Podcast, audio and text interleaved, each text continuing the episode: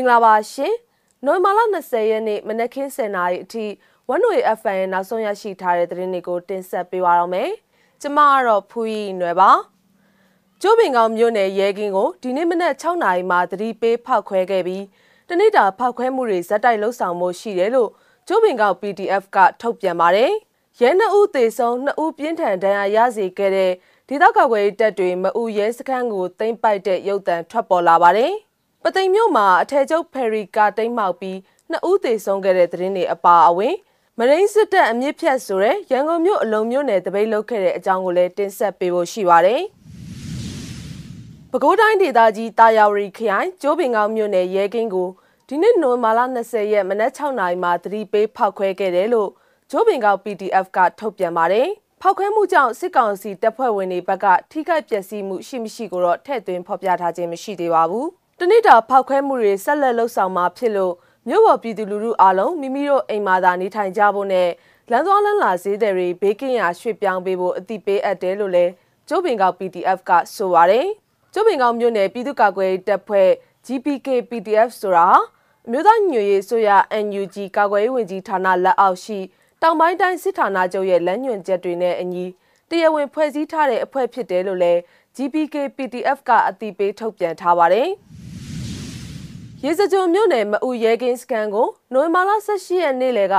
ဒေသကာကွယ်ရေးတပ်တွေကသိမ်းပိုက်ခဲ့ပြီးတိုက်ပွဲဖြစ်ပွားခဲ့တဲ့ရုပ်သံဖိုင်နိုဝင်ဘာလ19ရက်မှာထွက်ပေါ်လာခဲ့ပါတယ်။မအူရဲစခန်းကို People Defense Force ရေစကြိုနဲ့ Phoenix အထူးပြောက်ကြားတပ်ဖွဲ့ရေစကြိုညီနောင်မဟာမိတ်နှစ်ဖွဲ့ပူးပေါင်းသိမ်းပိုက်ခဲ့တာဖြစ်ပါတယ်။ရဲစခန်းသိမ်းတဲ့တိုက်ပွဲအတွင်းရဲနှစ်ဦးသေဆုံးပြီးနှစ်ဦးပြင်းထန်ဒဏ်ရာရရှိပြီးတဲ့နောက်ရဲရီဟာစခန်းကိုစွန့်ခွာသွားတယ်လို့သိရပါတယ်။ စခန်းသိမ်းပိုက်ပြီးနောက် laptop တစ်လုံးဆိုင်ကယ်လေးစီးဘုံသီးတစ်လုံးနဲ့ကြီးတွေကိုသိမ်းဆည်းခဲ့တယ်လို့ Phoenix အထူးပြောက်ကြားတပ်ဖွဲ့ရေစကြိုထံကနေသိရပါတယ်။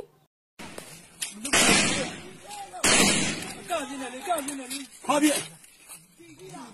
ဟာဘာလို့អော်လာတော့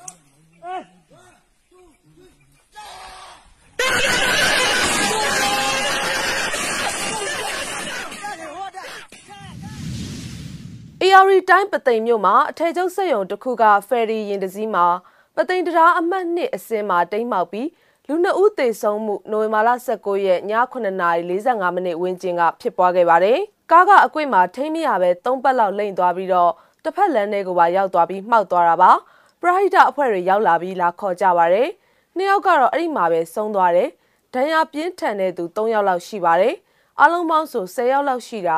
လူအရေးအတွက်တော့တိတိကျကျမသိဘူးလို့အခင်းဖြစ်ရာနေရာကိုရောက်ရှိခဲ့သူတဦးကပြောပါတယ်ထိခိုက်ဒဏ်ရာပြင်းထန်သူတွေကိုပသိမ်စင်းအုပ်ကြီးကိုပို့ဆောင်ခဲ့ပြီးအသေးစိတ်ကိုတော့စုံစမ်းနေဆဲဖြစ်ပါတယ်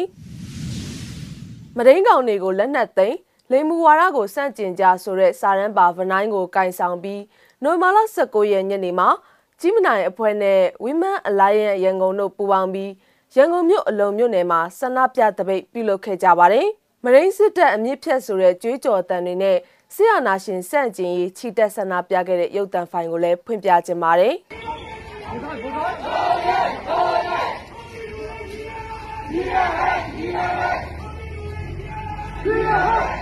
။